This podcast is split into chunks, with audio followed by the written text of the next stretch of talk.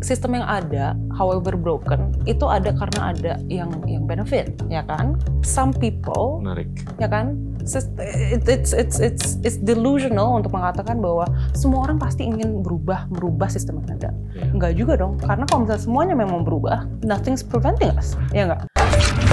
Inilah Endgame.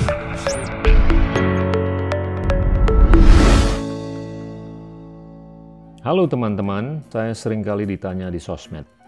Saya ingin ikut berkontribusi untuk Indonesia yang lebih keren di 2045. Baiknya mulai dari mana? Mungkin salah satu saran saya yaitu belajar public policy. Nah, pemahaman terhadap analisis kebijakan itu memungkinkan kita untuk mengaktualisasikan solusi untuk berbagai permasalahan, apalagi yang sifatnya struktural. Tidak hanya di pemerintahan, tapi juga di dunia usaha maupun non-profit. Mantan Sekjen PBB Ban Ki-moon, Perdana Menteri Singapura Lee Hsien Loong, dan jurnalis Rachel Maddow, semuanya adalah lulusan jurusan Public Policy. SKPP Indonesia, sekolah public policy pertama di Indonesia dengan bahasa pengantar bahasa Inggris, sedang membuka penerimaan mahasiswa untuk batch terbaru. Untuk detail mengenai program dan cara mendaftar, atau sekedar berkonsultasi mengenai rencana karir teman-teman ke depan, hubungi SKPP Indonesia melalui link yang ada di deskripsi. Now back to the show. Halo teman-teman, hari ini kita kedatangan Kathy Lee, co-founder dari Erudify, yang juga dikenal sebagai Dana Cita. Kathy, terima kasih bisa datang di studio. Thank you Pak, ini suatu honor, privilege bagi saya sebenarnya untuk hadir di sini. Sama-sama. Saya mau deep dive nanti uh, mengenai misi Anda untuk pendidikan di Indonesia dan syukur-syukur di Asia Tenggara. Tapi cerita deh mengenai latar belakang Anda, lahir di Jakarta, terus bisa sekolah di Karawaci, terus di mana-mana gitu. Silakan. Sure, uh, jadi mungkin mulai dari masa kecil saya uh, memang anak Jakarta Utara banget. jadi lahir besar memang di Pluit ya kan, uh, dan sekarang pun masih tinggal di daerah uh, yang sama. Uh, tapi memang dari pendidikan uh, bersyukur banget dari orang tua sebenarnya pas awal SD ya kan sampai kelas 2 saya tuh sekolah di IPK. IPK Pluit. 2 S. 2 SD. Oke. 2 SD. Lalu kalau nggak salah ibu saya ada teman yang kebetulan tahu tentang sekolah yang lumayan baru waktu itu Oke. uh, Pelita Harapan di Karawaci. Oke. Jadi walaupun jauh ya uh, waktu itu belum ada tol lingkar luar bahkan. Jadi Iya. hanya yang tol Jakarta ya Wow. kan Merak. Mhm. Tapi menurut uh, ibu saya satu ya kan keunggulan sekolah itu pada waktu itu terutama memang merupakan salah satu sekolah yang me- menyediakan kurikulum internasional.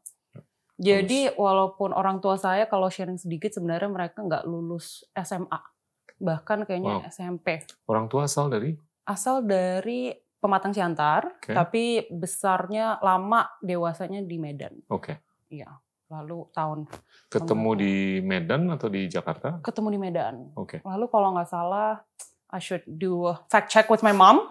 Tapi kalau nggak salah mereka udah nikah baru pindah ke Jakarta. Jadi keluarga saya, saya empat bersaudara. Siap. Jadi saya anak ketiga. Jadi ada eh, tiga cewek, satu cowok.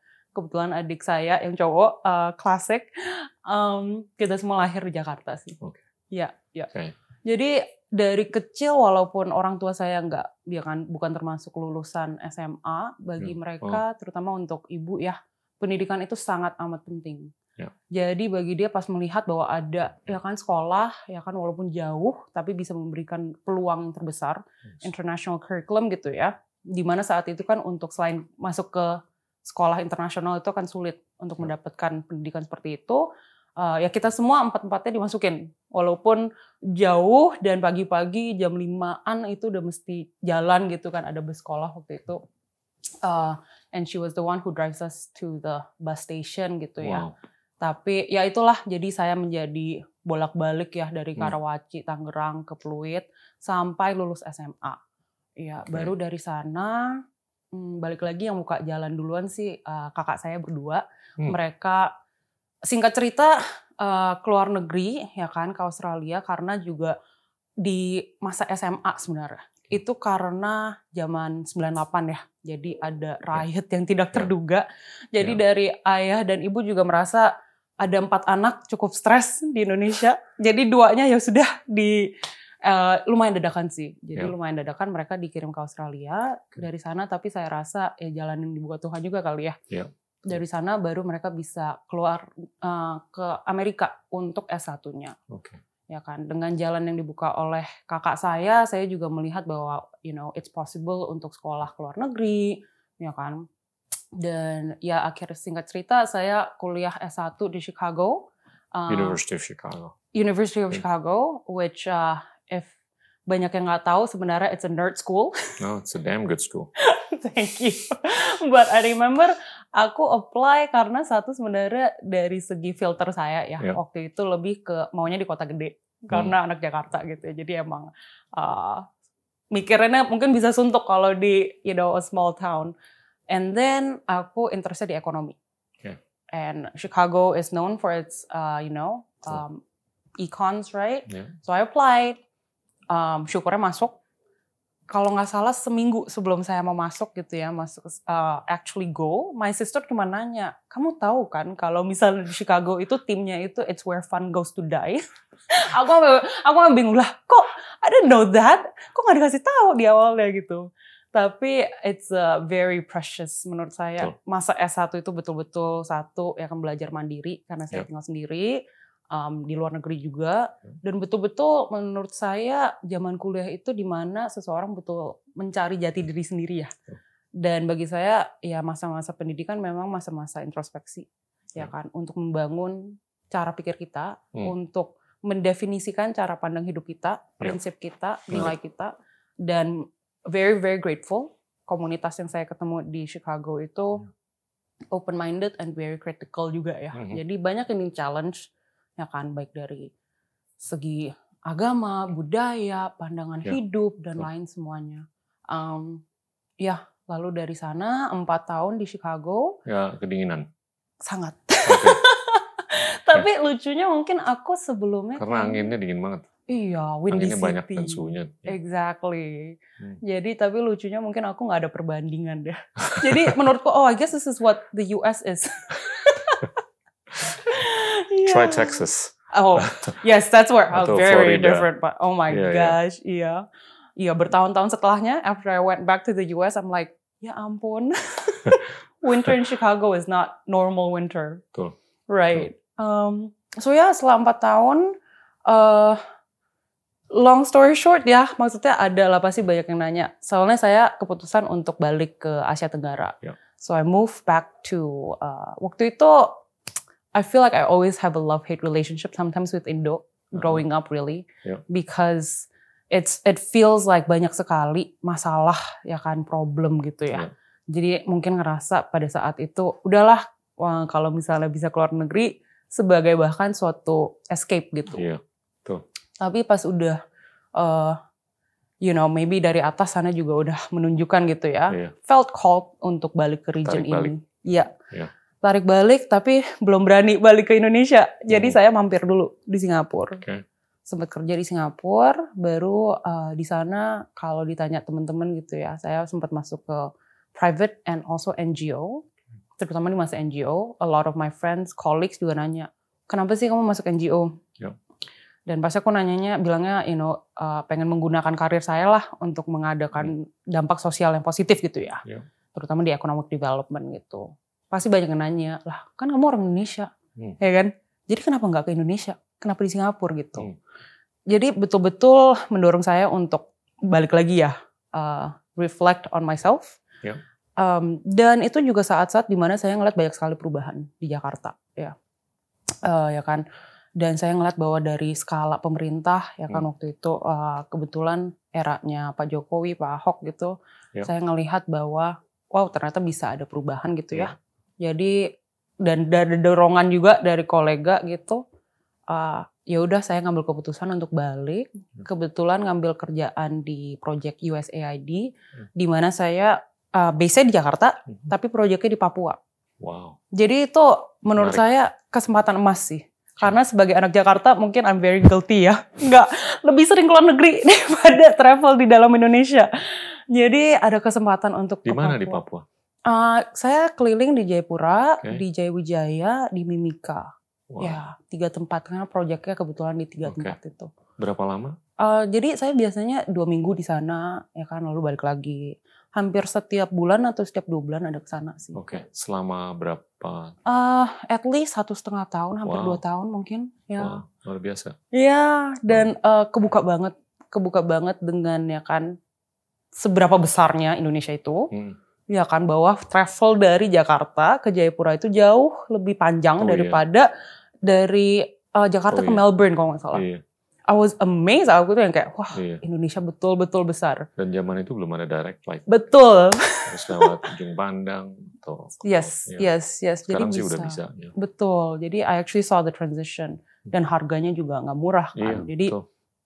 beberapa hal yang saya ngeliat kan bahwa satu uh, domestic tourism kita sebenarnya kan bisa bisa dimenahin lagi Iya. uh, bahkan ya kan di akhir pekerjaan saya sempat ke Raja Empat gitu wah Iya. itu indah, Indah sekali banget. sih Iya. itu indah sekali jadi itu ngebuka saya dan saya ngerasa juga pengalaman seperti itu ya Iya.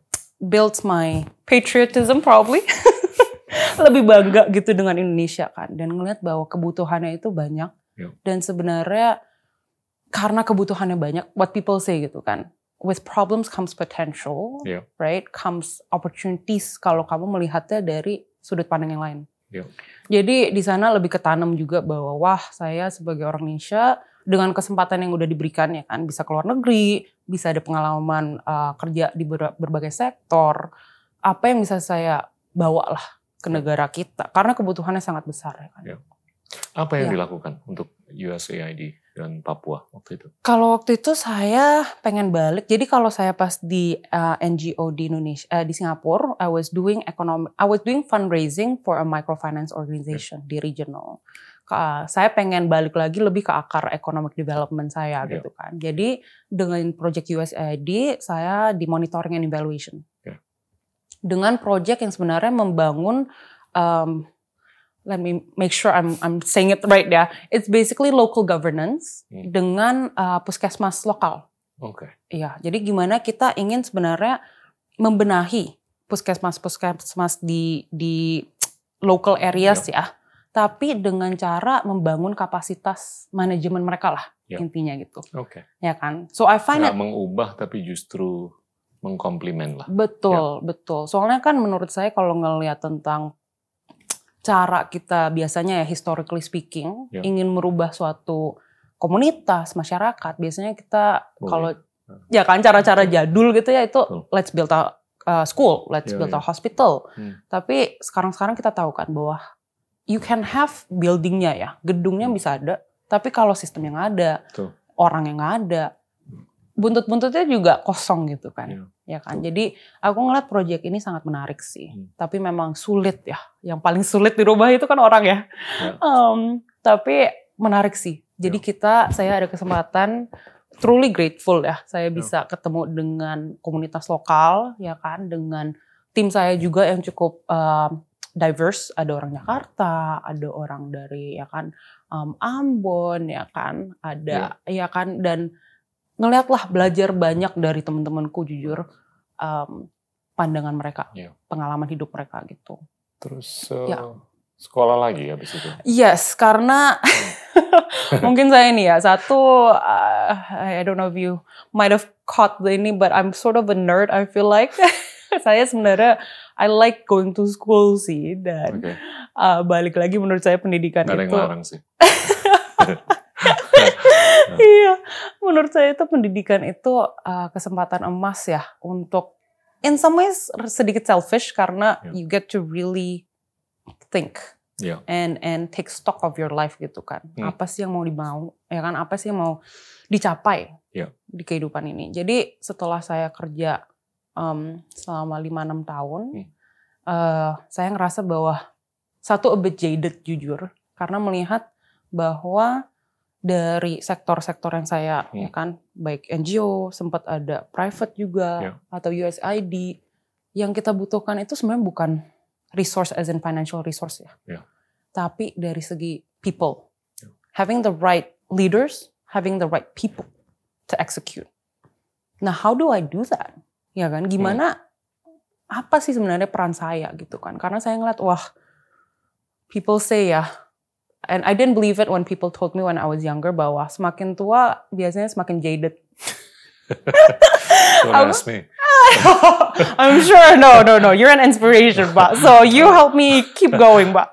Um, Okay. but I felt like my idealist self at that time Yeah. get questioned karena aku ngeliat di lapangan emang gak gampang dan human is human kan. Betul. Mau masuk sektor apa pun pasti ada insentif atau motivasi yang berbeda. Jadi bagi saya what is the sustainable and needle moving change gitu kan? Hmm. yang betul-betul menurut saya bisa ngebawa terutama Indonesia gitu ya Yeah. karena ya, background saya ya. Betul. apa yang betul-betul bisa membantu kita mencapai potensi kita? Hmm. right? Because people always say Indonesia has a lot of potential. My question is ya kapan kita fulfill that potential? Gitu kan? Nggak make sense juga kita nunggu generasi after generasi kita hanya ada a lot of potential tapi nggak terre- terrealisasi gitu Yeah, yeah.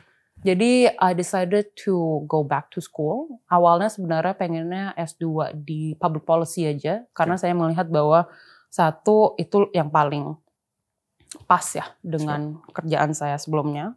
Tapi didorong juga oleh uh, kakak saya yang Hmm. take double degree policy dan business dan juga jujur saya sebenarnya ada apply ke S2 public policy doang.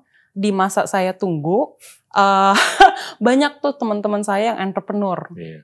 ya kan Indo kan banyak Nyetrum langsung. Iya jadi mikir gitu sambil aku nunggu if they can do it can I Yeah. do it and also di waktu yang sama I feel like the private sector is playing a bigger part dan Iya. uh, lahirnya venture philanthropy ya kan lahirnya impact investing Betul. jadi saya mulai mikir juga gitu kan actually mungkin resisten saya terhadap private sector sebelum-belumnya gitu ya in some Yeah. ways kan karena pasti ada banyak kubu lah of Yeah. kapitalisme ya kan and Betul. I don't know if we have time for that tapi ya kan in long story short kadang-kadang love hate relationship juga ya kan dengan Hmm. private sector and business but I see that if you do business well itu salah satu cara untuk betul-betul ya kan um, mewujudkan Iya. perubahan yang sustainable right Iya, sustainable and long lasting Iya. right jadi saya juga kedorong jadinya yang kayak aduh hmm cukup gak ya S2 di public policy jadi coba-coba ya kan bawa doa juga ya udahlah I just ya udahlah uh, might as well if I don't apply I never know Yeah. kalau I apply nggak buka ya udah ya kan Iya.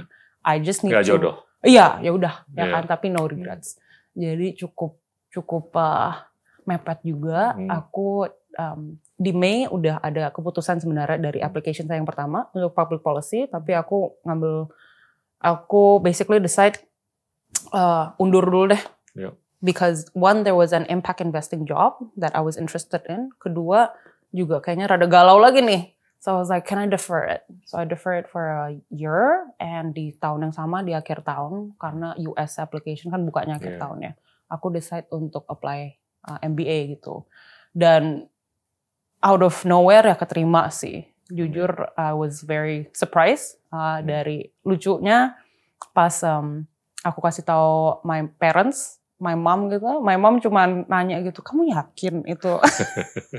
Udah cek belum nama spellingnya? And I was like I'm pretty sure sih mom now but I'll double check gitu. Uh, Asian parents keep you humble ya. Iya, jadi ya Uh, ya singkat cerita took a you know um, Lulus. lulus thank goodness. Dua tahun ya. Tiga tahun Tiga actually. tahun. ya Double degree. yeah so I graduated in 2019 Bagus. Kennedy Yeah. School and Harvard Business School. yeah yeah so came back right Nah. before COVID Wow. yeah Terus long story ya bikin Erudify. So um, Kenapa bikin Erudify? Ya, actually, interestingly, waktu itu dari segi uh, ya kan Erudify atau Dana Cita ya kan kita dikenalnya di Indonesia. Waktu itu sebenarnya udah berjalan kurang lebih satu dua tahun, ya kan. Uh, di awal tuh didirikan oleh kakak saya sama Naga ya, uh, one of my co-founder sekarang juga. Kita mereka pas saya S2 sih. Jadi I know of it, tapi kan karena saya S2 I wasn't involved. But always interested gitu loh. Karena Hmm. dari Dana Cita basically visi misi kita kan di pendidikan ya. Dan seperti yang saya ceritakan tadi, salah satu alasan saya S2 juga ingin melihat gimana kita bisa invest ke orang dan balik kalau misalnya kita tarik mundur itu pendidikan ya kan. Pendidikan adalah investasi ke Ya. manusia, ke orang gitu kan. So what kind of investment and who gets those investment gitu kan. Um, so tahu ada keberadaannya Dana Cita ini tapi saya sebagai murid ya you know get distracted with everything that was happening in grad school. But when I came back in 2019 uh, sebenarnya saya juga pengen coba gitu ya Ya. ngebangun sesuatu nggak kepikiran untuk join dengan kakak saya dengan Naga saat itu karena I'm very close to my family. Ya. I also very afraid of ya kan banyak lah ya kan cerita kalau misalnya ya Hmm. kan. Um, tapi perjalanan seorang entrepreneur itu susah ya. People say it all the time. Obviously I have to try it before I admit it to myself. Tapi sebenarnya dua hal yang aku cari kan. Satu founder ya kan, tim orang-orang yang bukan hanya sepik- sepemikiran gitu ya, Hmm. tapi hatinya, Iya. motivasinya itu semua sama. Iya. Ya kan? Itu cukup sulit. Betul. I've met amazing smart people, Iya, iya. but we're just thinking of it differently. Batinnya harus nyambung. Betul, Iya. ya kan dan itu sulit kan, Hmm. karena um, kadang-kadang it's not a black or white thing, Hmm. right? Itu satu dan juga dari segi uh, apa what-nya kan, kalau itu Hmm. who-nya what-nya, what-nya balik lagi lah ya kan, banyak dan saya grateful banget di Indonesia banyak ya kan yang tertarik dengan pendidikan, Hmm. tapi angle-nya kan banyak ya sedikit. Dan kalau sedikit berbeda pun kadang-kadang sebagai entrepreneur you're like okay this is a long term mission right? Am I is this the thing that resonate? Gitu. Kenapa di bidang pendanaan? Hmm. untuk pendidikan, Yes. bukan di pendidikannya? Jadi dari kita di Dana Cita we basically education financing kan Hmm. ini sempat saya ngobrol juga dengan ya kan dengan Naga ya kan Iya. and my sister at that time Um, jadi bagi kita adalah dari pendidikan ini banyak banget masalahnya ya kan Iya. Um, dan masalah pendanaan itu sebenarnya starting point kita. Yep. Intinya kalau kita tar- tarik ulur, you can create the best kind of program, Hmm. ya kan. Tapi kalau misalnya yang bisa menikmatinya hanya ya kan minoritas itu juga nggak terlalu meaningful ya. Yep. Jadi kita melihat bahwa akses pendanaan itu sebenarnya untuk membuka akses Yep. kepada apa yang ada dulu, sehingga ya kan harapannya sih ya balik, balik lagi ya kita emang jangkarnya itu tuh di pendidikan. Ya. Kita melalui pendanaan membuka akses ya kan dan kita kerjasama dengan kampus-kampus yang ada. Jadi kita juga dari Dana Cita kita fokusnya ke perguruan tinggi dan beyond lifelong learning ya. Karena kita melihat bahwa gapnya di sana tuh masih besar. Ya kan. In K to 12 I think dari segi enrollment Ya. uh, hampir 100% ya kan. Ya. It's it's quite high lah in that sense, right? Uh, a lot of work still dari. K to 12. Tapi kalau kita ngelihat uh, dari segi pendaftaran, ya kan yang terdaftar di yang seharusnya duduk di bangku kuliah baru 30-an persen. And it's Hmm. been consi- consistent selama bertahun-tahun. Dan yang 70% itu lebih karena kurangnya pendanaan, yes, ya, bukan kurangnya kemauan. bukan. Saya rasa dari kemauan tentunya ini juga masih perlu di ya Iya, kan iya. improve. Ah. Tapi kalau misalnya kita sempat FGD ngobrol sama ya kan, Iya. um, aku nggak tahu Gen Z apa millennial right now, Iya. I cannot keep track. Iya. Basically for them it's you know economy, Oke. ya kan. Satu kalau misalnya terutama banyak di keluarga yang mempunyai lebih dari satu anak gitu ya. Iya. Kalau anak sulung mungkin merasa bahwa saya harus jadikan mencari nafkah gitu, Iya. ya kan. Eh, kalau ya kan, eh, jadi yang kita lihat memang dari pendanaan. Iya. Satu ya kan, sometimes mereka kalau misalnya ada dana pun tapi terbatas, jadinya salah jurusan atau mengambil jurusan yang ibaratnya seadanya lah. Iya. Jadi harapan kita dengan dana cita sebenarnya gimana kita bisa membuka akses, ya kan, sehingga semua ya kan anak muda ya Hmm. kan pelajar di Indonesia kalian bisa dream as high as you want, ya kan, mencapai cita-cita kalian. Hmm. Uh, kenapa juga dana cita gitu kan? Iya. Dan um, menggapai mimpi kalian Hmm. sehingga pendidikan itu bisa setinggi-tinggi mungkin di jurusan yang kalian inginkan dan tidak harus sell yourself short gitu ya. Tidak Ya. harus settle ke jurusan yang ada karena dari segi biaya atau kampus yang ada Hmm. karena segi biaya. Karena sering kali itu yang terjadi sih bagi mereka udah filter duluan gitu. Satu bisa nggak saya kuliah? Kalau nggak bisa ya udah saya ibaratnya nanti aja. Tapi kita juga tahu kadang-kadang nanti aja nggak akan terjadi.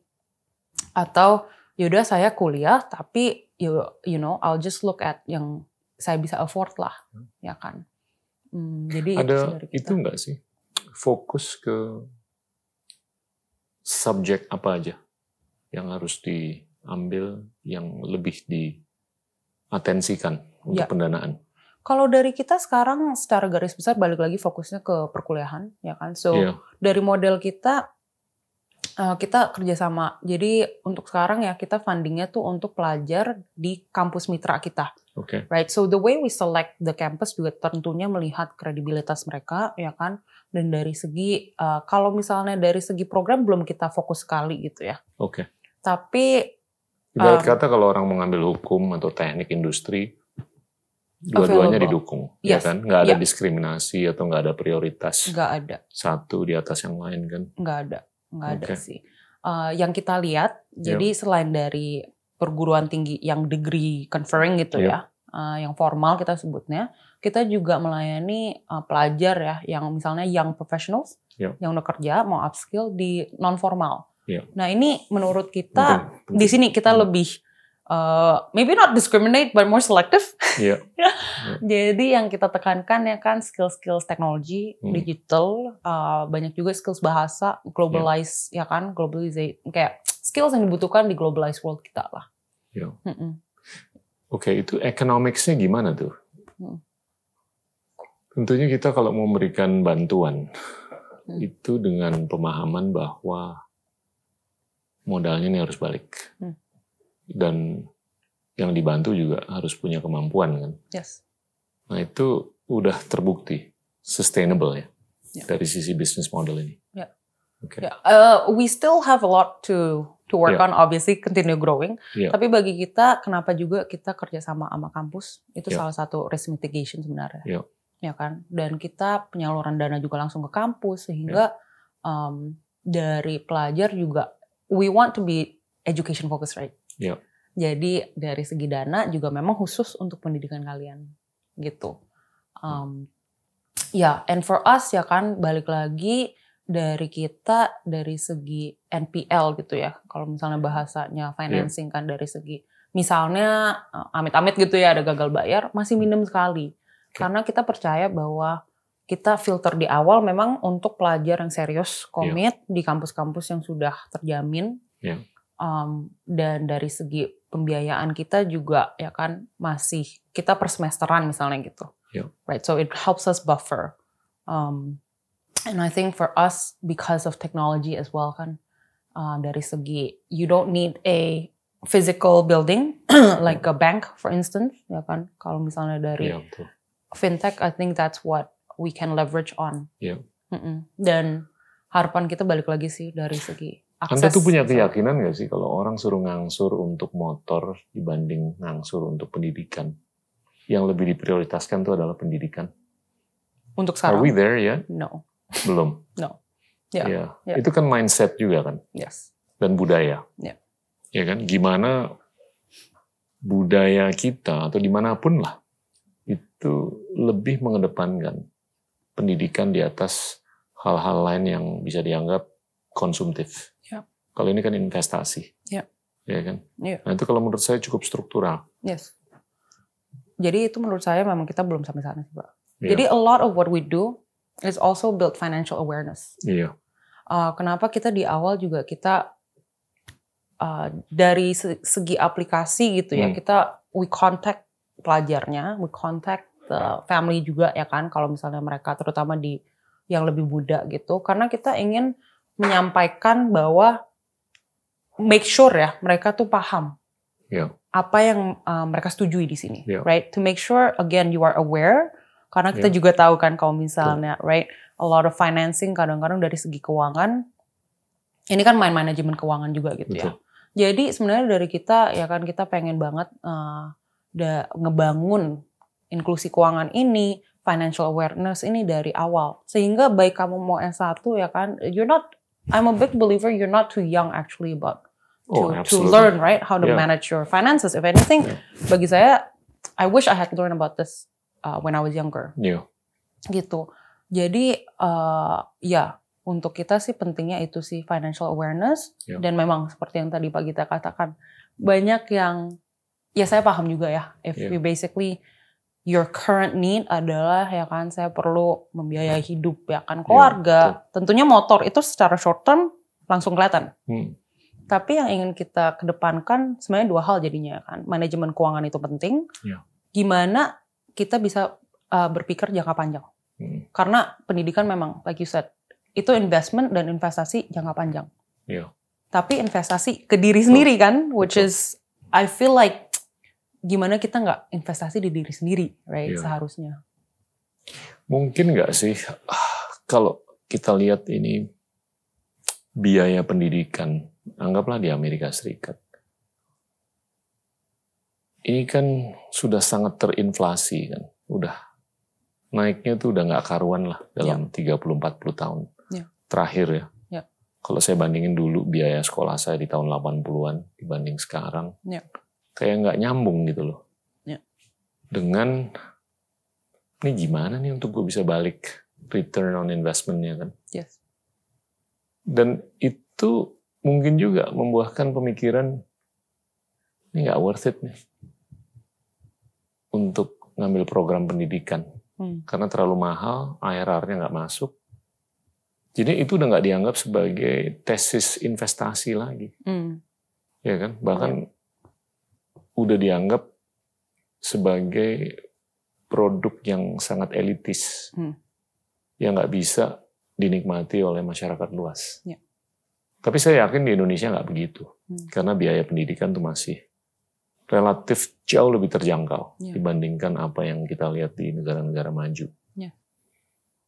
Tapi penting kalau menurut saya untuk gimana memposisikan Hmm. bahwa ini adalah sesuatu yang investasi Ya. sifatnya bukan konsumtif, Betul. ya kan? Ya.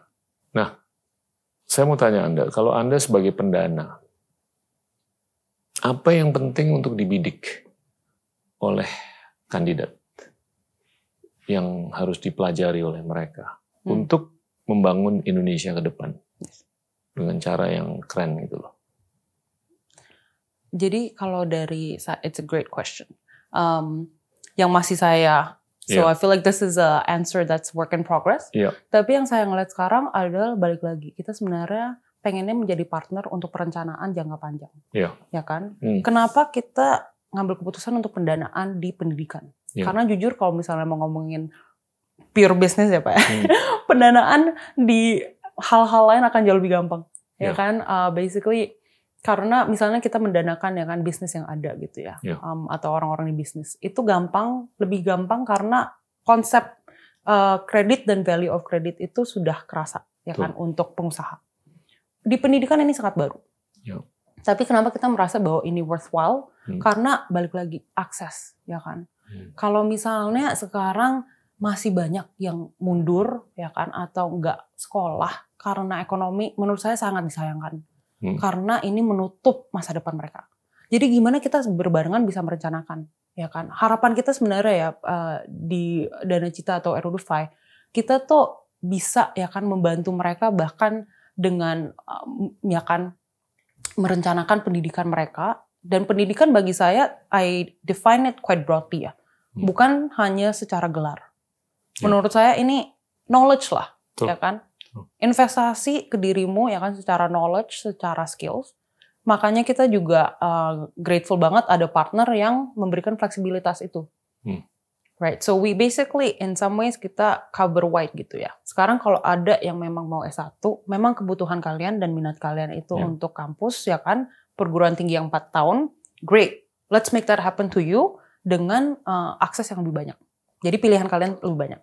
Untuk kalian misalnya ya kan yang ingin ya kan basically belajar sesuatu coding. I know I'm a coder. I know I want to be a coder. Ya. Tapi saya juga nggak mampu nih ya kan empat tahun.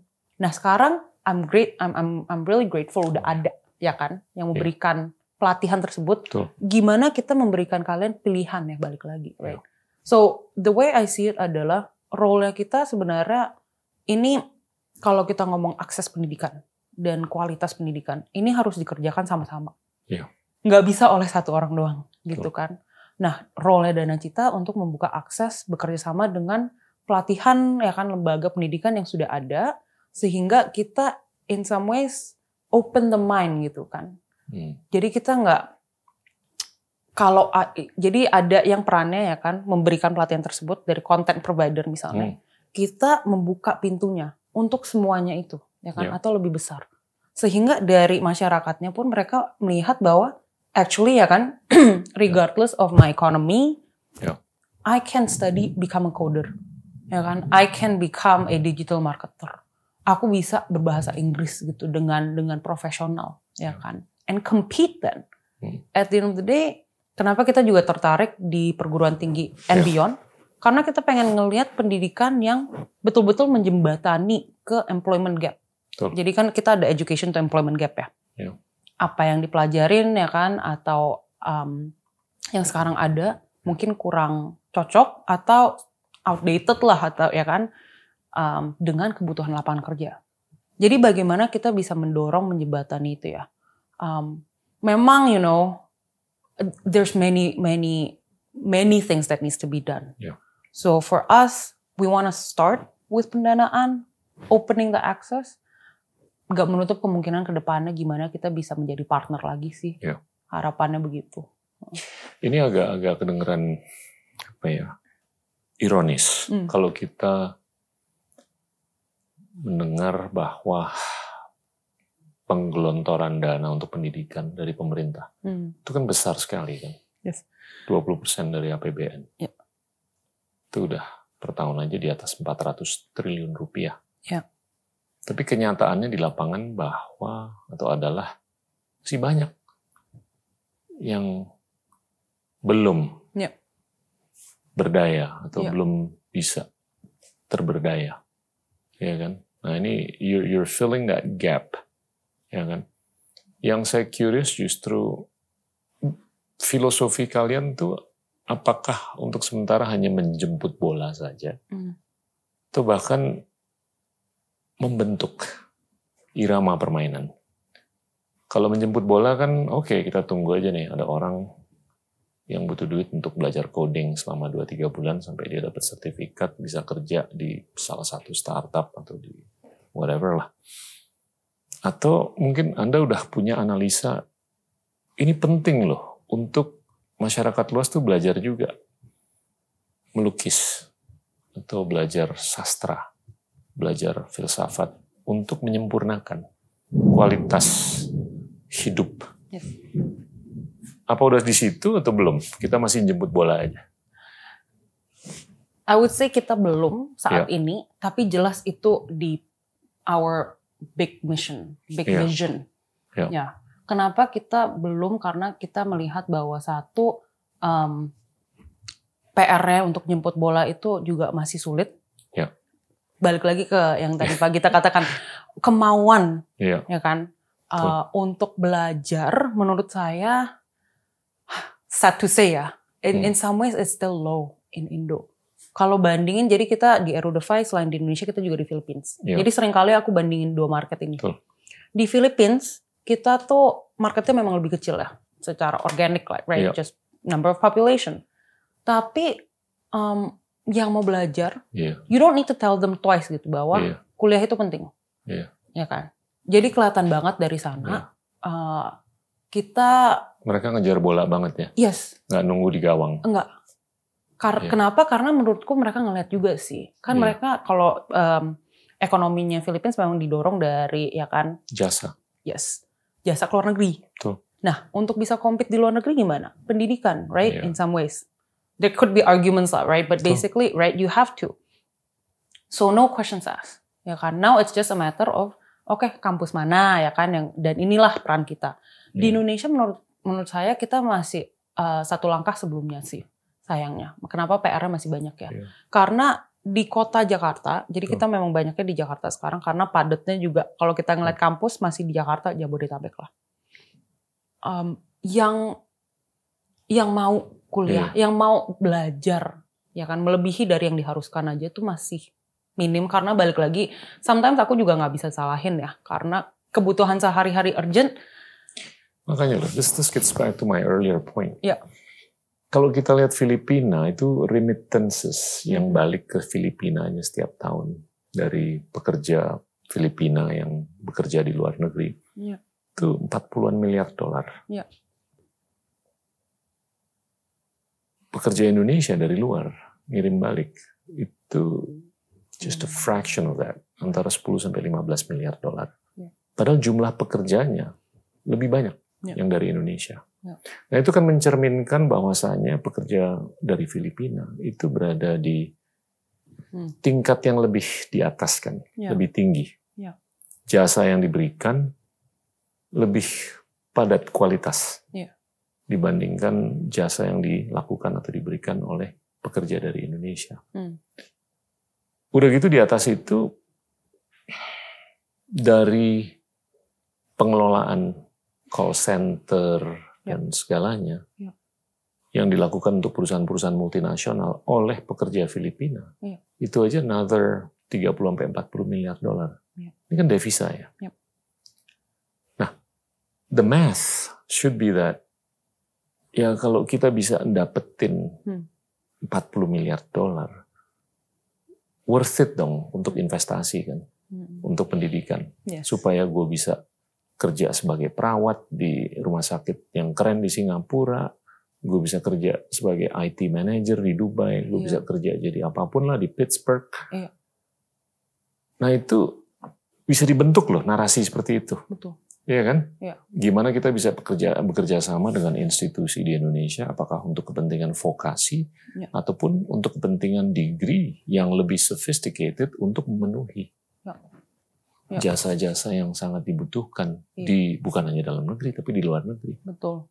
Betul banget, Pak. Jadi bayangan kita sih dengan kenapa saya jawabnya juga belum ya, Iya. bukan tidak akan gitu ya, tapi it's a play of data Iya, and information as well, right? betul. Kita pengen tahu ya kan satu kebutuhan di lapangan kerja seperti apa. Hmm. Jadi setuju banget. I think teknologi dan bahasa sebenarnya itu salah satu hal, eh, salah dua hal, I guess, yang kurang dari Iya. Indonesia. Karena kalau misalnya saya ngelihat dari graduate-nya Philippines, mereka menangin di mana? Mereka menang di bahasa. Bahasa. Immediately, right? Filipina, India tuh menangnya di bahasa. Exactly. Jadi kalau dari Indonesia, aku percaya banget kita tuh orangnya pinter. Ya, that's not the question. Iya. Tapi gimana kita bisa compete kalau kita nggak bisa menyampaikan ide di benak Iya. kita, nggak bisa mengkomunikasikan. Karena kenyataan di lapangan, it's right. Unfortunately, not Indonesia is not a global language, right? Betul. Jadi kalau nggak dibenahin dengan language Hmm. yang our current one is English, right? It's stuck Hmm. dan itu yang sangat disayangkan ya kan so setuju banget and and that's ya our big vision ya harapannya why when you know my my leadership team and I we always again entrepreneurship roller coaster ride right? You're up you're happy you're down you're like why am I doing this again? Uh, we always go back see yeah exactly why are we doing this? Because we Yeah. want to see not just opening access which is super important tapi gimana kita juga bisa berperan lebih lagi bahkan untuk kita udah lihat nih dua tiga langkah ke depan Iya. ya kan dunia kita ke mana uh, gimana Indonesia tuh benar-benar bisa berperan ya Hmm. kan dan gimana kita mesti investasinya sekarang lah nah Hmm. ini yang kadang-kadang berbusa juga ya Hmm. karena investasi kita mesti sekarang returnnya pasti nanti nah what I see if I can be truly honest here Indonesia Indonesians tend to be short term minded Iya. kita jangka pendek kan Iya. Karena aku Most rasa human beings. true true. Human beings right? When you especially i think you know with the with the technology that we have now yeah it's Yeah. instant gratification. So how do you flip that right? How Yeah. do you say okay i need to invest in the long term. Sekarang you might not see it. Mungkin yang kerasa cuman costnya. Iya. dari ya kan biaya obviously very real. Waktu energi tapi percaya gitu loh bahwa ke depannya ini yang akan mengangkat kita ya kan Sebetulnya demand untuk pendanaan kayak begini Mm-mm. ini besar sekali. Selama mereka tuh bisa diyakinkan bahwa ini bisa terbayar balik dengan apa pun yang bisa diraih di ujung jembatan. Yes. Dan jembatan yang Anda sediakan, ini jembatan sementara untuk jangka pendek dan menengah. Untuk dia bisa melihat jembatan yang jauh lebih panjang lagi. Yes. Intinya begitu kan. Hmm. Ya kalau menurut saya sih tinggal gimana bisa diyakinkan. Lu pasti loh, atau lu kemungkinan besar bakal sampai di seberang sungai ini. Dan di ujung sungai ini udah ada orang yang nunggu Hmm. untuk memberdayakan lo. Dengan apa pun perahu yang lo pakai. Iya Iya. kan? Hmm. Atau baju yang lo pakai, sepatu yang lo pakai, topi dan segalanya. Nah itu penting tuh. Karena ya balik ke ucapan Anda, 70% ini gapnya nih. 30% higher education, tapi 70% belum di-serve. Yes. Nah ini kalau mereka ngelihat, wow ternyata Iya. ada sungai yang lebih besar. Iya. Gue bisa kerja di Dubai, gue bisa Iya. kerja di Pittsburgh, gue bisa kerja di Singapura, gue bisa kerja melakukan bukan hanya hal-hal yang sudah dan bisa dilakukan oleh orang-orang Filipina, tapi bahkan lebih keren daripada apa yang mereka lakukan. Iya. Hmm. Kayaknya bisa tuh. Ya. Ya. Halo teman-teman, terima kasih sudah menjadi teman setia Endgame. Cek rilis terbaru dari Future Narrators Merchandise Collection dan dukung terus misi kami untuk mencari ide-ide terbaik dari narator-narator keren lainnya. Link pemesanan ada di deskripsi. Now back to the show. Ya. Ya kan? Jadi bayangan kita sekarang di Dana Cita ya kan eh, di Erudify kita memang local students for local universities Hmm. first.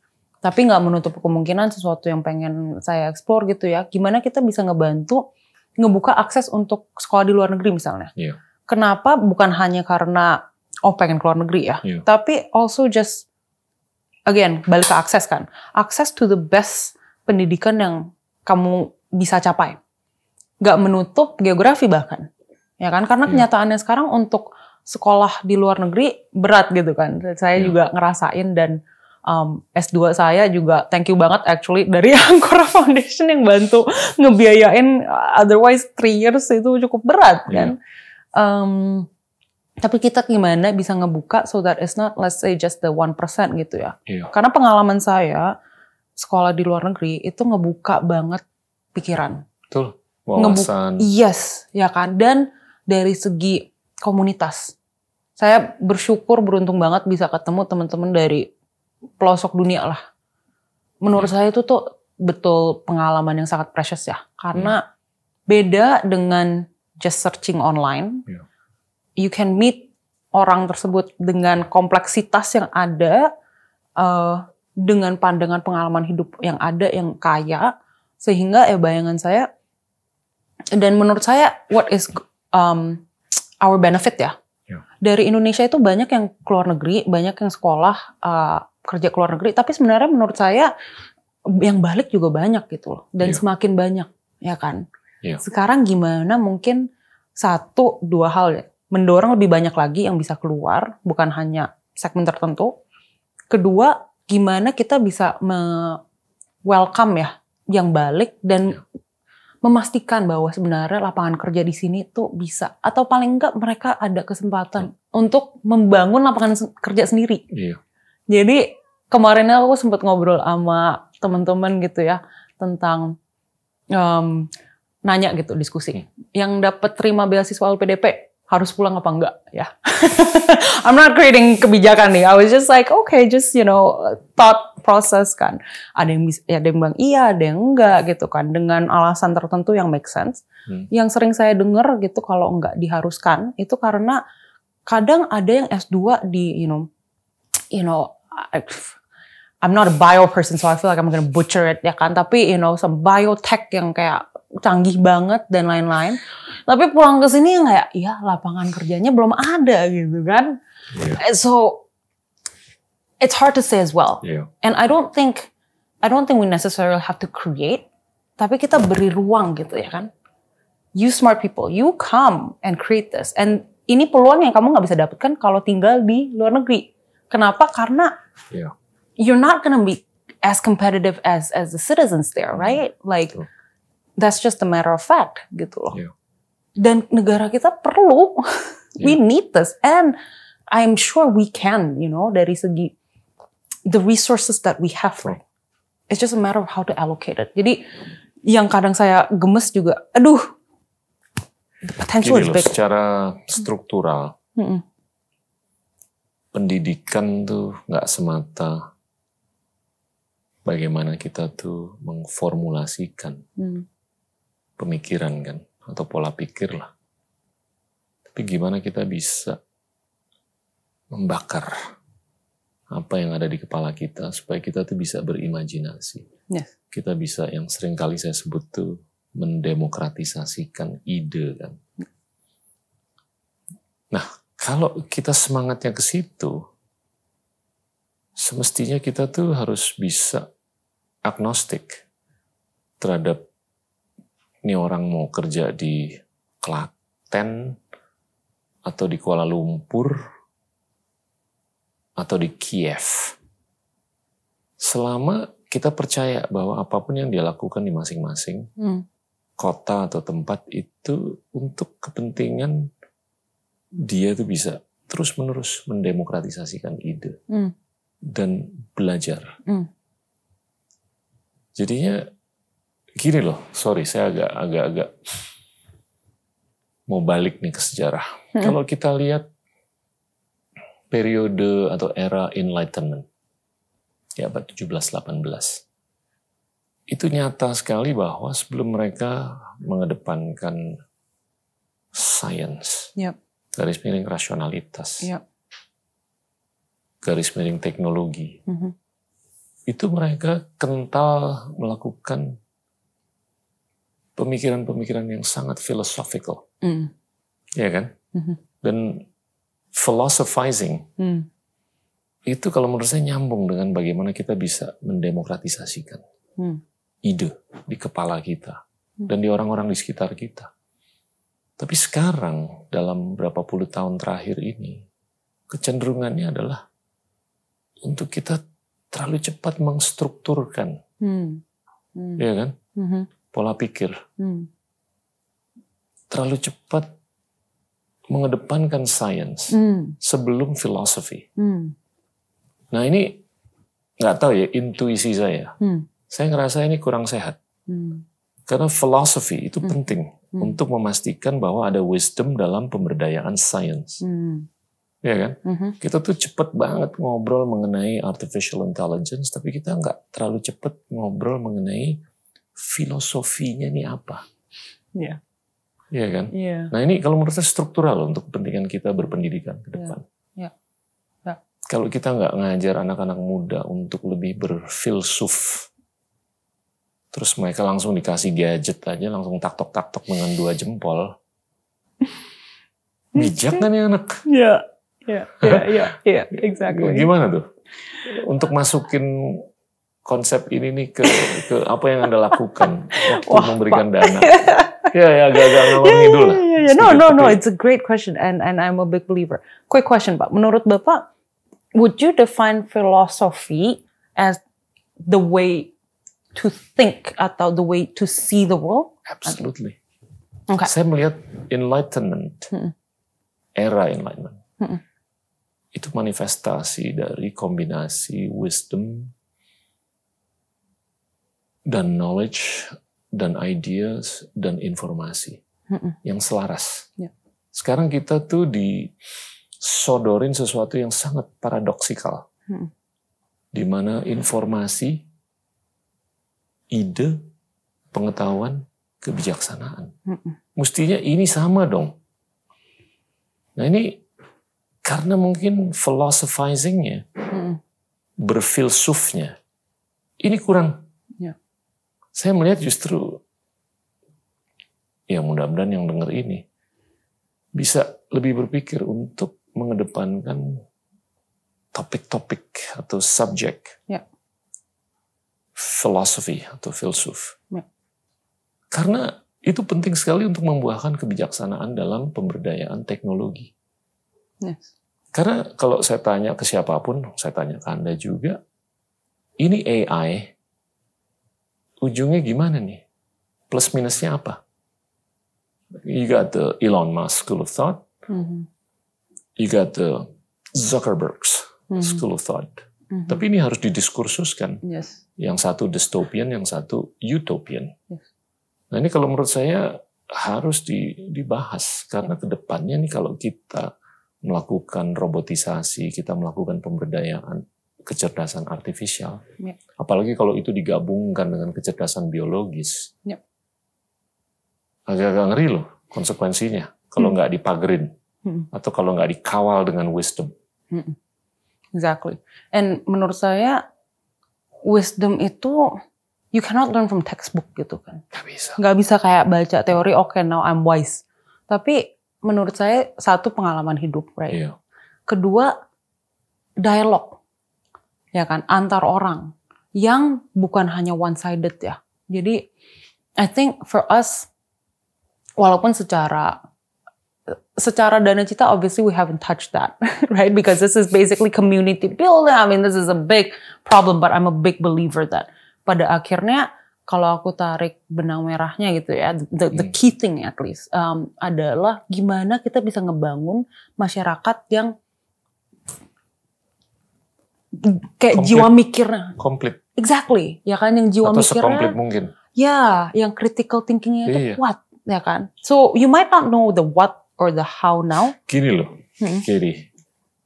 Kalau saya mau ngelihat seorang anak gitu, Hmm. Sekolah, Hmm. saya bayar nih ya. Hmm. Saya nggak hanya mau mastiin dia tuh bisa berhitung satu tambah satu sama dengan berapa, Hmm. tiga kali 17 sama dengan berapa. Tapi saya pengen dia tuh belajar mengenai Cara. filsafat juga. Iya, Karena nggak tahu gimana saya berpikir itu yang akan membuat dia tuh komplit Ya. dalam proses Ya. dia menjadi dewasa. Dia menjadi bagian dari masyarakat luas yang bersumbang sih Ya. untuk bangsa dan negara. Ya. Ya. Uh, agak-agak gede nih kata-katanya. Tapi ya maksudnya ya kalau bisa ke situ deh. betul sih itu yang mau kita gap terbesar kan di sana ya. Iya. Kalau boleh I ask you Pak, Hmm. have you seen um, baik sekolah atau lembaga apa pun yang actually done that well, baik di Indonesia maupun di luar, ya kan? Atau gimana? Saya rasa udah banyak sekolah yang udah melakukan sekolah-sekolah yang melakukan hal seperti itu, tapi tinggal skalanya dan Hmm. kecepatannya. Yep. Ya ujung-ujungnya kan ini dibungkus dalam konteks persaingan kan dengan negara-negara lain, Hmm. yang mana mereka berlomba-lomba Yep. untuk mengedepankan. Tapi mungkin ya peluang untuk kita bisa catch up itu jauh lebih besar daripada yang kita pikir.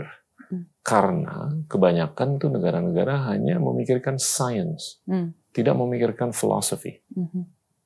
Ya kan? Mhm. Nah kalau kita mengacu ke pemikir-pemikir di zaman dulu ya, Mhm. itu mereka meramu dan menggabungkan, Mhm. ya kan? Mhm. Philosophy and science. Mhm. Ahli matematika juga ahli fisika, eh, ahli filosofi, Iya. Iya. ya kan? Iya. Socrates, Pythagoras, Mhm. terus Aristotle, Mhm.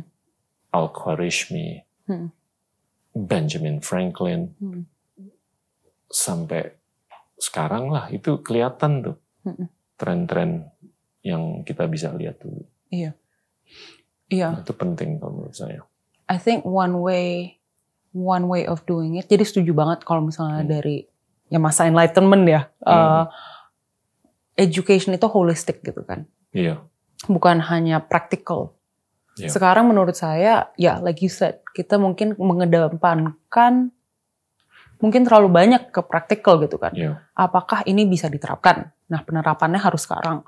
If you cannot apply it now, then it has a less value gitu kan. iya, Tapi kenyataannya thinking skills itu tuh fundamental. betul. Ya kan? Nah, bayangan saya sebenarnya gimana kita ya kan don't know if this, you know, hopefully right, if I can play a role in it would love to build, you know, curriculum school or or some sort of organization Yeah. or just community di mana you basically bake it gitu. Jadi kita bangun gimana jadi sekarang pertanyaannya gimana kita mau nge-package cara berpikir ini Hmm. ya kan. Sebenarnya ini kan core gitu ya. Cuman packagingnya kan bisa sektor bisnis kah atau sektor ya kan healthcare kah atau sektor apa. Pada akhirnya kita bisa milah gitu kan, ya kan. How do you see the world? It's you know critical thinking, problem betul. solving, core skills yang memang intangible gitu. Jadi Iya. pertanyaannya mungkin gimana kita bisa membuat hal itu tangible. Jadi lapisan akhirnya itu application-nya apa? Iya. Ya kan. Itu bayangan saya sih. Jadi ya hopefully sih dengan balik lagi kenapa bagi kita bagi saya ya sektor pendidikan itu sangat kaya Hmm. karena banyak banget lapisan-lapisan yang masih menurut saya patut di-improve Iya. dan perlu inovasi. Iya. I'm a big believer kalau status quo itu tuh udah nggak bisa. Betul. Kita nggak bisa mempertahankan status quo Oh kita. bahkan ada observasi bahwasannya kurikulum yang ada di sekolah, Mm-mm. sekolah-sekolah di seluruh dunia, Mm-mm. itu mungkin aja udah nggak relevan Ya. untuk kepentingan kita hidup di abad ke-21. Exactly. Dan dan ini perlu mungkin pemikiran ulang secara struktural, bukan perubahan kurikulum secara struktural, tapi pemikiran dulu. Dan kalau di Indonesia saya ngelihat kita lihat aja deh sektor-sektor yang sudah terdisrupsi itu kan transportasi, retail, Mm. dan financial services. Tapi we've only scratched the surface. Yang mana jasa keuangan tuh baru sekitar 40% dari ekonomi kita. Hmm. Ekonomi modern tuh biasanya rasio jasa keuangan terhadap ekonominya itu 100% Hmm. atau di atasnya. Mhm. Jadi masih ada 60% upside nih. 60 persennya aja tuh udah 700 miliar dolar per tahun. Jadinya Iya. ya saya nggak heran kalau banyak startup-startup tuh mau masuk ke fintech aja. Tapi jangan lupa ada sektor-sektor lain yang belum terdisrupsi. Iya. Pertanian, peternakan, pendidikan, pariwisata, kesehatan, Iya. energi, Iya. real estate. Iya. Nah ini gimana kita ngobrol dengan lembaga pendidikan. Eh ini sektor-sektor yang kayak gini nih belum terdisrupsi nih. Mm. Mendingan kita giring aja nih. Mm-mm. siswa-siswi lo nih Mm-mm. ke arah ini. Lu lu cari gue danain Mm-mm. kalau lu nggak bisa. Betul. Jadi sebenarnya yang kita ngeliat kan Hmm. dengan karena kita sebenarnya bermain di dua sektor tersebut kan, fintech dan education. Iya. Ya kan. Nah dengan dan kita kerjasama dengan lembaga pendidikan. And then basically our our hope gitu kan. Sebenarnya kita sebagai kita ingin berperan sebagai partner untuk student perencanaan mereka secara jangka panjang ya kan baik dari keuangan. Sebenarnya keuangan untuk investasi di pendidikan ya kan Iya. spesifiknya ke sana. Tapi juga dengan lembaganya di mana oke sekarang kalian sebagai lembaga pendidikan satu semasa covid you know status quo itu udah nggak bisa. Sekarang benefitnya ya blessing in disguise yang saya ngelihat jarang lah yang ada bilang gitu kan bahwa oh kita nggak perlu nggak perlu inovasi deh karena Iya. udah kenyataannya harus ya kan at least online learning. Jadi gimana kita bisa leverage that untuk mendorong lagi ya kan bahwa inilah di mana kita ada datanya kan. Kita tuh langsung nih sama student yang di lapangan ya Hmm. kan. Dan bahkan bukan hanya anak-anak yang mau masuk S1, tapi dengan para yang udah kerja nih. Nah ini kan berarti sebenarnya jangka panjang dari ini kan. Ini sebagai indikasi kan. So Iya. our our hope is that we build the information so that ada bisa mendapatkan buy-in dari lembaga pendidikannya juga Hmm. tentunya kita perlu data yang supporting. Iya. Sehingga pada akhirnya it's like it's not what I say bahkan. Hmm. It's you can see from the fakta kan bahwa sekian banyak pelajar pengennya belajar di sini. Atau bahkan kita bisa ada perbandingan. Sekian banyak pelajar ya kan akhirnya jalannya larinya ke misalnya pelatihan pendek. Nah, itu kenapa? Harapan saya yang pengen saya ngeliat lebih banyak itu gimana ke depannya I don't think in the near future ya, 5-10 tahun kemudian. Maybe 10 years, we'll see. Ya. Perguruan tinggi at least in the formal traditional way akan hilang. Ya. Ya kan? Aku rasa nggak akan hilang sepenuhnya sehingga semuanya itu non degree. Pertanyaannya sebenarnya kan untuk pendidikan yang lebih tradisional ini adalah gimana kita bisa berinovasi. Betul. Dan inovasi itu harapan saya ya perlu yeah, I guess change comes step by step. Tapi I think we need, especially in education, sesuatu yang dobrakan. Yeah. Karena kita udah terlalu lama ya. Yeah. Jadi gapnya itu yang saya ngeliat tuh di lapangan kerja berubah sekali. Yeah. Sehingga what are they doing now? They're just filling up the gap themselves kan. Betul. Short courses, informal courses, on the job training, etc. Yeah. What I see now at least ya kan, tentunya dari segi uh, dari segi ya kan kementerian yang kita ada sekarang I was quite it's refreshing untuk melihat ya kan sosok seperti Nadim gitu yang Hmm. cukup berbeda datang masuk. Tentu PR banyak ya. Iya. Uh, tapi yang saya ngelihat, yang saya salut itu adanya inisiatif di mana diberi kayak kampus merdeka gitu kan, Iya. diberi insentif serta dorongan bahwa kurikulum itu harus relevan lah paling enggak, ya kan? Kalau nggak relevan itu jujur buat apa juga Betul. investasinya kan? Betul. Dari kita, kenapa dari segi sekarang mungkin kita masih a bit, you know, program agnostic, but definitely in the future, right, as we gather more data, kita pengen bekerja bareng dengan Hmm. partner kita, sehingga ya kan kampus A, kampus B, let's see ya data yang kita dapatkan aja, ya kan? Ya. Ini loh mungkin ya kan uh, kurikulum yang perlu di, dibenahin atau Ya. yang perlu diganti atau cara penyampaiannya paling enggak. So I think I'm hoping with with COVID um, and as we embark into a new normal ya, uh, harapannya nggak nggak ada yang aneh-aneh lagi gitu. Hmm. Gimana kita paling enggak don't waste this crisis what people say kan. Ya. Inovasi uh, cara-cara perubahan yang sudah ada kita ambil yang bagus dan kita benahin kita kembangin lebih lagi nih. Jangan jangan regress gitu kan. Ya. Jangan oh yaudah udah aman, yaudah back to Ya. normal aja. Itu yang menurut saya akan sangat disayangkan. Ya. Ya kan karena education it should be what I would like to see ya. In- again, I think what's interesting di Philippines, the education sector itu mampu menarik talenta-talenta yang pintar Oh, ya. untuk masuk di ya kan sektor education sendiri. Sementara di Indonesia menurut saya banyak banyak ya uh, yang nggak semuanya, tapi banyak yang misalnya saya nanya gitu uh, masuk ke um, jadi guru gitu lah ya. Hmm. Tapi pas aku nanya gitu, kenapa jadi guru? Oh ya karena itu affordable gitu, ya kan? Itu yang bisa saya saya biayai, Ya. ya kan? Pengen nggak jadi guru? Enggak sih. nah, wah sakit hati juga satu, sayang Hmm. juga ya. If that's not our passion, then please pursue your passion.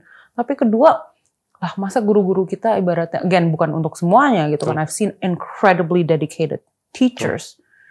Tapi sosok seorang guru, lecturer, pengajar ini kan betul-betul jadi sebenarnya seharusnya jadi sumber inspirasi ya. Oh my, ya. Ya kan, uh, I know it's also close to your heart, tapi right Saya so sering banget ngobrol mengenai ini. Takut kayak kaset rusak. Tapi, Tapi- benar, guru guru is the differentiator. yeah, so how can we uplift Hmm. right the roles of teachers, the Bahkan roles saya of tuh nahan education. beberapa kali dari apa ya tadi mau ngomong gimana kita bisa mendanai orang yang mau jadi guru Yeah. Iya. karena multiplisitasnya itu tinggi sekali. Ya. Kalau kita bisa ngedanain satu guru untuk dia bisa jadi guru yang keren, itu dampak terhadap bukan puluhan ratusan tapi ribuan Yes. ya kan siswa-siswi ke depan. Yeah. Itu luar biasa loh. Ya. Gimana kita bisa kerjasama dengan lembaga pendidikan. Lu cariin deh orang yang mau jadi guru, gue danain. Dan kita kerjasama nih dengan siapa yang nanti bisa memberdayakan mereka. Agree Itu banget. itu kalau menurut saya lebih berdampak daripada kita nyari orang yang bukan bukan mendiskon secara keseluruhan ya, tapi Hmm. itu lebih berdampak daripada kita nyari orang yang mau belajar untuk jadi apakah entrepreneur kayak Hmm. atau profesional kayak atau Hmm. apa gitu. Hmm. Hmm. Tapi kalau kita ngedanain orang yang mau jadi guru, uh, ya kan, Mhm. itu mulia sekali tuh. Yeah. It's in the pipeline, Pak. Ya, I know kita udah pernah bahas dan itu pengen banget sih. Jadi balik You're, lagi. you're gonna change the nation Ya, in in in a small way, tapi benar-benar impactful, yes. Ya, ya kan. ya. Ya, Kalau artificial intelligence tuh di dipakai nggak sih dalam your day to day? we in our in our again it's um data artificial intelligence basically plays with data right? Yeah. so sometimes it's chicken or egg. Okay. um, so right now i would say we're not you know necessarily using very you know high tech ai but it's because we're gathering the data Yeah. right? But we are building in-house technology. Jadi secara teknologi memang kita bangun sendiri ya kan? Karena balik lagi menurut kita ini segmen yang baru. Ya. ya kan segmen yang baru di mana pendanaan untuk mahasiswa untuk pelajar di umur itu belum ada di Indonesia at least ya kan di Asia Tenggara minus Singapura ya jadi segmentasi yang baru dan ini juga uh, cara pola pikirnya juga baru kan. Sebenarnya Ya. kita masuk di awal sehingga kita juga bisa membangun pola pikir yang pas gitu. Sehingga nanti kalau kita udah ada datanya, maka AI-nya itu baru kita bisa mainkan secara robust gitu kan. Jadi it's a step by step sih. Uh, so it's definitely ya kenapa kita dari awal juga secara Ya. teknologi sehingga ini yang scalability-nya kan. Dengan teknologi kita bisa main datanya dengan lebih dinamis lagi. Dan kedua kita bisa mencapai harapan saya dan yang udah kita dorong sekarang gimana kita bisa mencapai um, anak-anak Indonesia ya kan teman-teman yang di luar Jakarta, di luar Ya. Jawa bahkan. Dan yang saya grateful ya, kita ngeliat dari kampus-kampus kita di masa Covid ini dengan online learning kelihatan aksesnya tuh lebih terbuka. Hmm. Which membuktikan sebenarnya kehausan untuk belajar itu tinggi. Ya. Ya kan? Tapi gimana kita bisa membuka akses yang sama sih? Baik mereka di kepulauan mana pun ya. Um, dan harapannya kita ya di Indonesia dan beyond gitu kan. Udah di Filipina tapi kalau misalnya mau tarik lagi gitu ya, gimana kita bahkan bisa uh, ngebangun cross learning Iya. in the region, ya kan? Wow. Kalau kita Ya. ngomongin tentang the development of regions, right? Hmm. So the West have been developing, and I think it's, uh, I hope no one kind of criticize me, but it's almost a sunset era in some ways, ya. You see the rise of Asia, Eastern Asia. Yeah. My question is kapan nih Southeast Asia? Yeah. Karena kita gede sebenarnya, ya kan? Memang sulit karena banyak sekali ini kita bukan monolith gitu ya. Hmm. Kita sangat diverse di dalam Indonesia aja udah cukup diverse gitu kan. Yeah. Apalagi dengan berbagai negara. Tapi menurut saya kalau kita bisa find out a way, kita bisa kerja sama bareng di region yang ya kan strategis ini di mana kita juga menjadi jembatan dari continent of Australia and Eastern Asia, right? And the big, you know, Asia continent belum ya kan ke you know eventually Europe and beyond. Iya. We're strategic, Iya. right? Jadi harapannya kenapa kita juga ya kan ada sebenarnya pas mau expand ke Philippines juga everyone's like kalian gila ya baru baru satu tahun gitu ya fokus di satu gitu ya tapi ya entrepreneurs are crazy right in some ways um, but yeah I think obviously you know my heart is to see Indonesia succeed I think that's very key bahkan mau ngomong regional pun nggak bisa kita ya kan lepas dari Indonesia Bagus. tapi gimana setelah itu kita bisa ada cross sectoral, cross cross regional, ya kan? So that kesempatan yang ada di Indonesia dan beyond. Satu harapan saya ya, anak-anak Indonesia bisa belajar dari negara tetangga ya kan, bahkan mungkin gak usah jauh-jauh gitu ya. Tapi kalau mau juga nggak apa-apa. Tapi dari Indonesianya kita juga bisa membantu ya kan. Iya. So that we're not just in the receiving end. I, I, I believe so much bahwa kita tuh ada potential untuk give. Iya. But how? How do we do that? Yeah. Gitu kan? How do we unlock that? Itu sih harapan besar ya saya ya. Tapi ya, it is long term. Iya, iya. Harus, Nggak bisa harus, overnight. harus, Mm-mm. harus berpikir jangka panjang. Iya. Dan dan saya tuh bangga lah bahwa udah mulai banyak pemain di attack Hmm.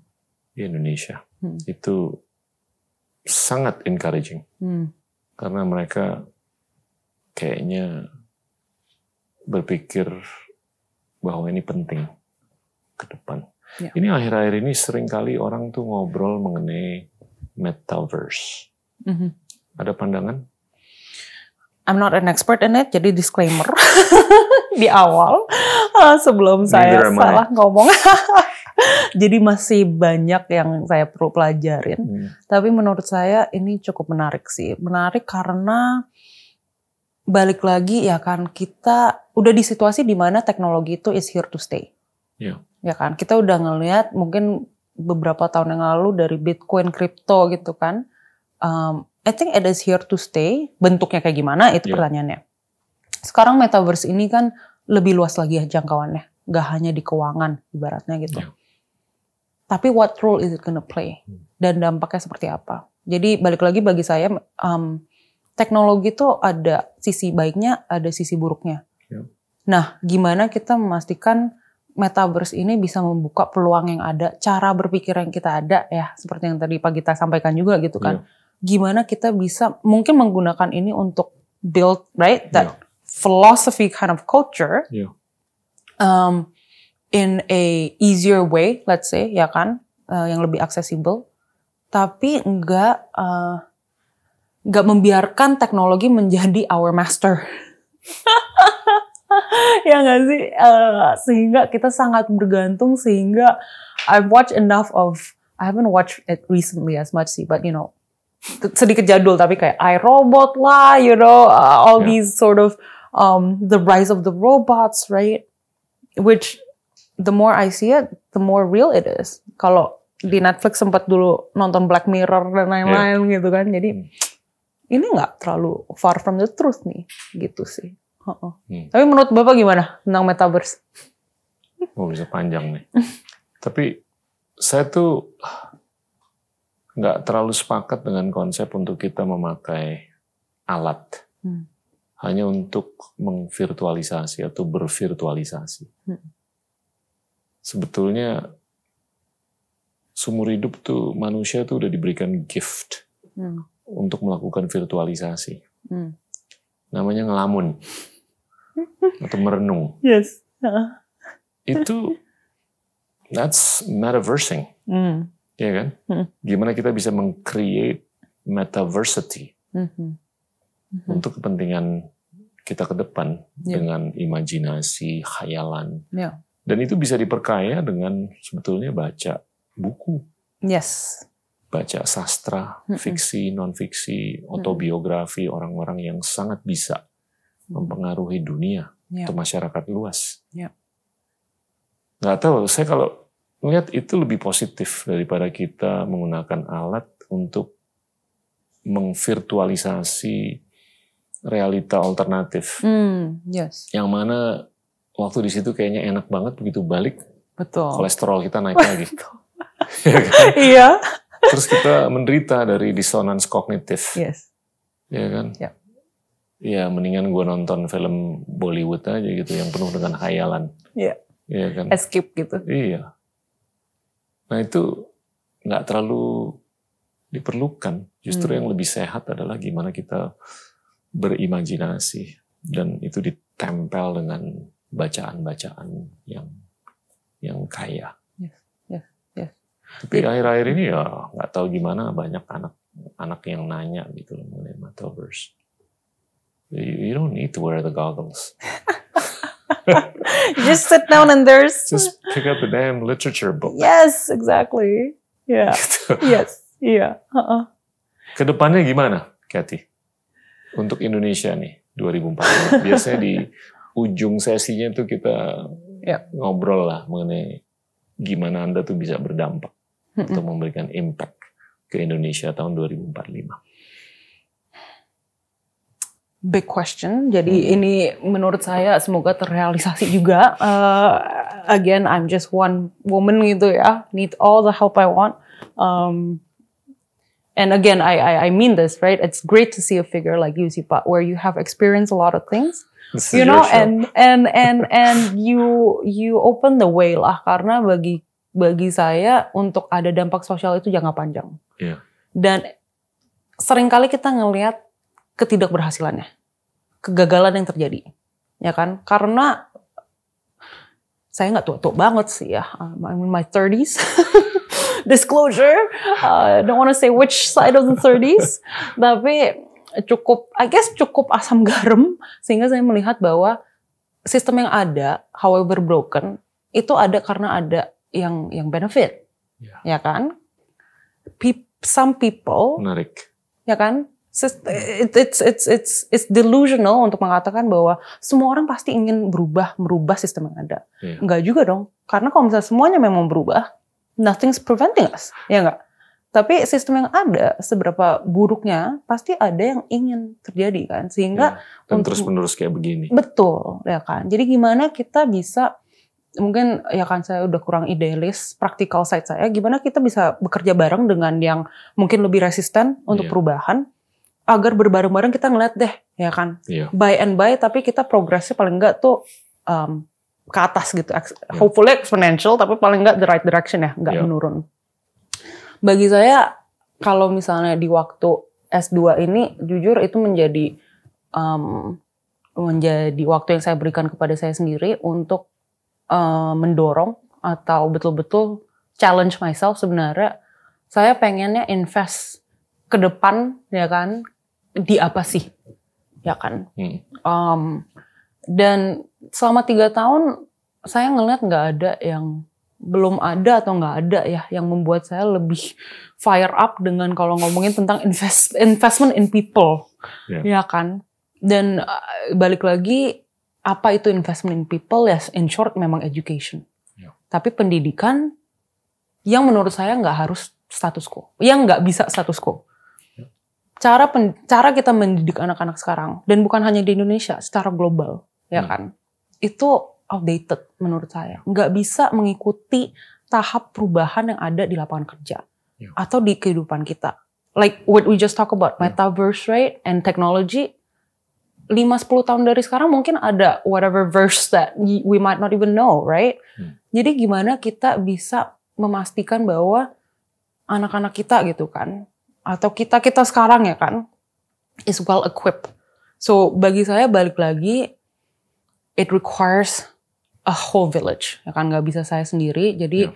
bersyukur banget kita juga ya kan like you said ketemu banyak sekali teman-teman yang passionate di at ya kan di Hmm. education di pendidikan um, dan ingin berinovasi.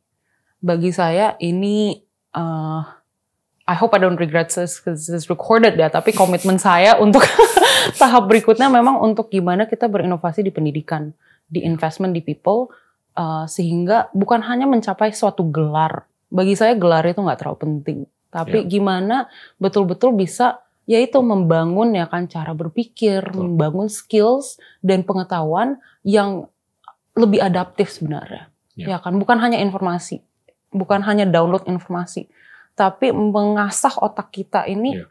sehingga kita siap Mungkin. gitu, ya kan? So I I fully agree with what you say about metaverse, Pak. Ya kan? Hmm. Di mana ada tandeman dengan aduh aku setuju banget sih dengan gimana kita salah satu PR-nya membangun budaya atau menghidupkan kembali budaya membaca. Ya. Ya kan? Sayang sekali kemarin itu setahu saya Kinokuniya di Plaza Senayan sempat ditutup. Ah, I was devastated. I know.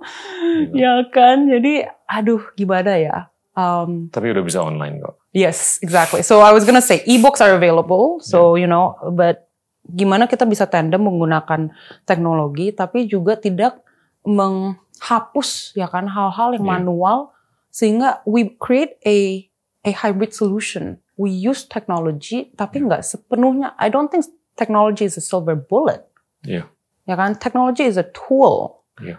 Jadi sama dengan kita gitu kan, dengan membuka akses kita menggunakan tool apa, kita menggunakan tool financing melalui teknologi, Iya. tapi fokusnya di pendidikan, ke invest ke people gitu.